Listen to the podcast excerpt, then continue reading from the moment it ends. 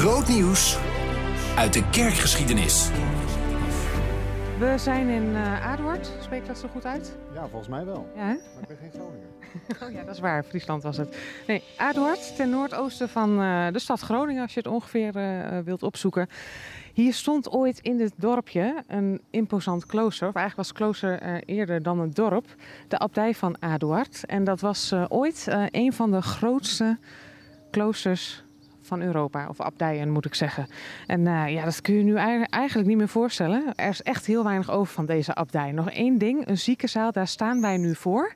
Bakstenen gebouw. Uh, nou, het ziet er eigenlijk uit als een kerk. Maar hier werden dus zieken verzorgd in dat gigantische klooster. Verder is het gewoon een winkelstraatje met kleine schattige huisjes. Het is natuurlijk prachtig weer. Dus het, is, uh, het ziet er ook meteen extra mooi uit. Tegenover een antiekwinkel. Uh, wat is er te vertellen over dit klooster, helaas? Nou, wat sowieso heel leuk is om te vertellen, het, uh, het behoort tot de orde van de Cisterciensers. En zij plaatsten hun kloosters, of zij stichten hun kloosters op plekken die echt heel erg uh, onherbergzaam nog waren. En dat was dat op, dit, op, op, het moment dat dit klooster kwam, gold het ook voor dit gebied. Uh, het water van, van de Noordzee had hier volop invloed op en zij hebben eigenlijk dit gebied ontgonnen. Hier is een enorm groot klooster is hier gebouwd. Uh, maar zij zijn ook heel erg betrokken geweest bij het aanleggen van kanalen, van dijken, om ervoor te zorgen dat dit ook een leefbaar gebied werd. Dus dit klooster had een hele belangrijke betekenis voor, voor de omgeving ook. Ja, ja kun je nu niet meer voorstellen hè, als alleen nee. dat zaaltje nog over is. Nee. Nou, trapje af, grote rode deur in. Gelukkig is die open. En dan hoor je het misschien al, want dan komen we ineens in een grote zaal met heel veel galm. En dit is, uh, wat was het, 12e eeuw? Um, ja, ja, een beetje, deze, een beetje deze kerk uh, komt uit de 12e eeuw. Einde van de 12e eeuw is deze, is deze hier gesticht. Dat klopt. Ja. ja. Nou ja, en het, is, ja, het, het, lijkt heel erg op een kerk, want het is gewoon heel hoog plafond, zo'n boogconstructie, weet je wel. Van die, uh, nou ja, hoe heette die ramen met zo'n puntje bovenin. Uh, ja, dat doet een beetje aan een gotische stijl. We staan hier nu ook trouwens voor een, uh, voor een plaat met een maquette. En dan zie je ja. ook dat het dak van, uh, van deze ziekenzaal was vroeger anders. Het is nu omgebouwd tot een, tot een kerk. Het is nu de kerk van de protestantse kerk in Nederland. Maar heel vroeger was dit dus een ziekenzaal. En wij staan hier nu ook op een plek waarop je daar ook een beetje zicht op krijgt over hoe dat er in die tijd uitzag. Ja. En uh, nou, ik zou zeggen, laten we verder de zaal inlopen. We moeten om een vloer heen lopen. Die, uh, nou ja, die is zo oud, daar mag je niet meer opkomen.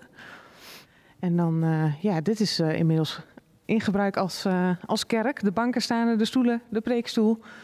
En alles van hout. En vroeger stonden hier dus die bedjes waar die zieken verzorgd werden. Laas, wij zijn hier niet vanwege de zieke monniken, maar vanwege een persoon die iets te maken heeft hiermee. Vertel. Ja. En wij staan nu eigenlijk precies voor de, voor de plek waar de doorgang was naar de rest van het klooster. Want dit was een heel belangrijk klooster. En zeker in de, in de loop van, de, van richting de 16e eeuw wordt dit een heel belangrijk klooster. En er wordt ook wel gezegd dat dit bijna eerder een academie was dan een klooster. Uh, er kwamen hier heel veel geleerde monniken kwamen hier uh, bijeen. En dat wordt ook genoemd de Aduarder Kring. En een van de personen die daarbij hoorde was, uh, was Rudolf Agricola. En Rudolf Agricola is een Latijnse naam. Uh, waarschijnlijk was zijn, uh, zijn Nederlandse naam was gewoon uh, Roelof Huusman. dat klinkt heel wat normaler dan Rudolf Agricola. was geboren in 1443 in Buffalo. Daar vind je trouwens ook nog een, standbeeld van hem. maar we zijn hier omdat hij deel uitmaakte van die Aduarder kring. En Rudolf Agricola is in meerdere opzichten ontzettend belangrijk ook voor de kerkgeschiedenis. Hoewel heel veel mensen misschien niet eens zijn naam weten. Nee, ik, uh, ik kende hem inderdaad nog niet. Want uh, wat, uh, was, hij, was hij dan, nou ja, hier, dit is een ziekenzaal, misschien is hij wel eens ziek geweest. Maar hij liep dus rond in dat klooster, hij was hier. Hij is hier in ieder geval geweest. Het schijnt een vrij imposante man te zijn geweest. Een van zijn vaardigheden was ook, hij schijnt ook goed te hebben kunnen boksen. Maar hij was met heel veel meer dingen betrokken. Hij was ook betrokken bij orgelbouw. Hij heeft, er wordt gezegd, bij het orgel in de Martini-kerk van, van Groningen, dat hij daar ook bij betrokken is geweest. Maar veel belangrijker is, en daarom wil ik hem eigenlijk ook onder de aandacht brengen. Um, hij was een van de weinigen hier in het noorden van Europa die het Grieks beheerste. En dat was in die tijd heel erg bijzonder. Hij beheerste de, de, het Grieks en kon daarmee het Nieuwe Testament in zijn oorspronkelijke taal lezen. Want dat gebeurde in het Latijn. door de rest van de mensen? De vertaling, de vertaling die in de Rooms-Katholieke Kerk was gebruik, was, uh, werd gebruikt, of dat was toen in uh, de, gewoon de Katholieke Kerk, dat was de Vulgata. Dat was een Latijnse vertaling. En hij hield zich bezig met die Griekse grondtekst. Uh, later gaat hij ook naar Heidelberg en daar leert hij ook nog het Hebreeuws. En hij vindt het enorm belangrijk ook dat anderen ook die talen leren. En hij had ook een ideaal. Hij wilde eigenlijk ook zelf wel een, het Nieuwe Testament opnieuw in het Grieks uitgeven. Maar daar is hij nooit aan toegekomen. Hij is ook niet zo oud geworden. Maar heeft op een gegeven moment wel iemand kunnen inspireren die dat wel heeft gedaan. Hij ontwikkelde ook uh, uh, nieuwe inzichten in onderwijs, onderwijsvernieuwing. En dat was in die tijd een onderwijsvernieuwing die wel zinvol was. Okay. Wij hebben heel vaak onderwijsvernieuwing in deze tijd waarvan je nogal wat vraagtekens kunt stellen. Persoonlijk leed. Ja. Maar uh, hij was onder andere in Deventer en daar werd uh, een onderwijsvernieuwing uh, ingevoerd. Op een nieuwe manier werden de talen geleerd. En daar was op dat moment iemand die, die heeft hem gezien, heeft hem gehoord en, en die heeft dat ideaal van het Nieuwe Testament overgenomen. En dat is Erasmus. Ah, ja. Dus er ligt een lijn tussen Agricola en later Erasmus. Ongelooflijk.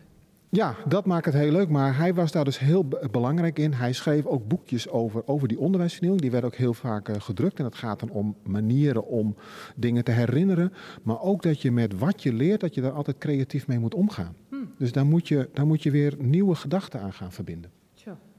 Dit is een heel specifieke richting. Had hij ook niet iets met het humanisme te maken? Nou, we noemen dat de stroming van het humanisme. Daar moeten we altijd wel even heel goed opletten. Want bij humanisme denken we nu heel vaak uh, aan, aan een stroming en we hebben het nog steeds, het humanistisch verbond, waarbij de mens centraal staat. Als we het in de, in de 16e eeuw over het humanisme hebben, dan hebben we het over een stroming die zich nadrukkelijk bezighoudt met teruggaan naar de bronnen. met, met wat mensen ooit hebben geschreven. En zij zijn dus, en dat zie je ook bij Agricola, hij gaat op zoek naar die, naar die oude bronnen, naar dat willen we niet. We willen niet een losse tekst van. Nee, we willen de oorspronkelijke schriften willen we gaan lezen. En daarom is hij natuurlijk ook die Griekse taal gaan leren. Hij wilde die teksten in hun oorspronkelijke taal kunnen, uh, kunnen leren. Ja, precies. Nu snap ik het. Dus dat humanisme van nu, dat heeft niks te maken eigenlijk meer met het humanisme van toen. Nee, die, we hebben dezelfde term, maar de inhoud is totaal anders. Ja, ja. Het gaat in die tijd echt om het, uh, het lezen. Het, het, het uh, nou, we noemen dat met een heel moeilijk woord filologie. Maar het kunnen lezen van geschrift, het kunnen uitleggen. En wat daar ook wel belangrijk is, is dat je dat ook kunt uitdragen. Hmm, ja. Nu staan wij uh, op deze, nou wat is het, stenen marmeren vloer van de ziekenzaal. In het, nou, wat er over is van het klooster in Aduard. Op welke manier spreekt dit nog tot jou? behalve dat het een prachtige plek is hij staat eigenlijk aan het begin van een, een tijd waar, waarin op een gegeven moment het, de kennis van de grondtalen heel erg belangrijk wordt. Eh, richting de Reformatie zien we dat. Daarop worden op een gegeven moment nieuwe Bijbelvertalingen uh, gebaseerd. En wij maken in onze kerken eigenlijk tegenwoordig bijna een tegenovergestelde beweging maken we mee. We zien net dat binnen de protestantse kerk, ja, men, is, men heeft heel weinig uh, predikanten. Er is een tekort aan predikanten. En op dit moment uh, nou, is een van de oplossingen dat HBO-theologen uh, pastor kunnen worden en daarmee ook op eenzelfde niveau kunnen komen als een predikant. Maar we zien wel dat de meeste HBO-theologen kennen niet de grondtalen. Hm. En de kennis van die grondtalen is toch wel belangrijk om, om er elke keer ook voor te zorgen dat we uh, goed na, dat we goed weten wat onze theologie is, of onze theologie wel gebaseerd is, is op de Bijbel. Want elke Bijbelvertaling is ook elke keer een interpretatie. Dus wij lezen de Bijbel in het Nederlands, maar dat is wel een interpretatie van die Griekse grondtekst. Dus je zou kunnen zeggen dat Agricola eigenlijk ook wel een soort waarschuwing is voor deze tijd. Van, van houd altijd wel uh, oog voor die grondtalen, dat we die kennis in de kerk niet verliezen. We hebben hem toen gekregen. Hij stond eigenlijk een beetje aan de basis daarvan, dat hij weer terugkwam. En dat is wel iets wat, uh, waar we waakzaam voor moeten zijn. Dat we, dat we altijd mensen in onze kerk houden, in onze gemeente houden, in onze kerkelijke genootschappen, die die grondtalen nog beheersen. Ja. En ook om te voorkomen dat de kerk zelf niet in de ziekenzaal komt te liggen. Uiteindelijk wel, want als jij de verkeerde theologie ontwikkelt omdat je bepaalde dingen verkeerd hebt geïnterpreteerd, ja, dan kom je ergens misschien wel hier terecht.